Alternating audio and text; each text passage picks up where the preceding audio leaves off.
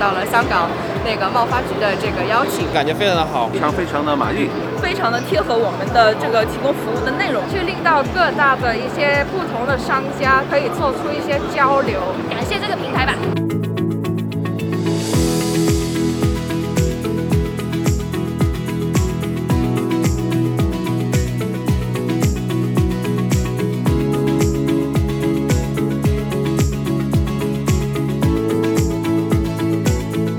我们看得到，今年是一个疫情的一年，但是我们也看得到，在这个疫情的情况上面，整个中国上海的金博会里面搞得非常成功。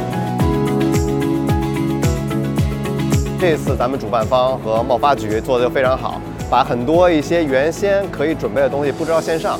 这样反而是节约了我们面对面的会谈时间。我们希望把我们的一些。啊，全部的经验里面，从国内然后延伸到国外去。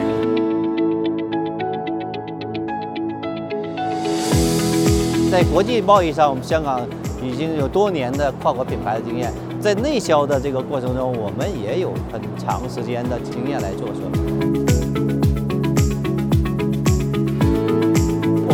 能够把我们的公司的拳头产品啊，斑斓月饼，还有呢，就是说香港食品公司的啊理念和文化，能够再进一步推广给大陆的参展商。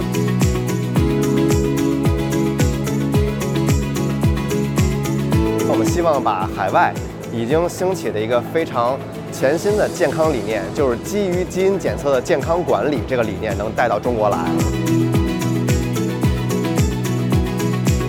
非常感谢了贸发局的安排，我们也可以拥有了更加多的可以跟当地的不同的政府、企业里面一个交流的一个机会。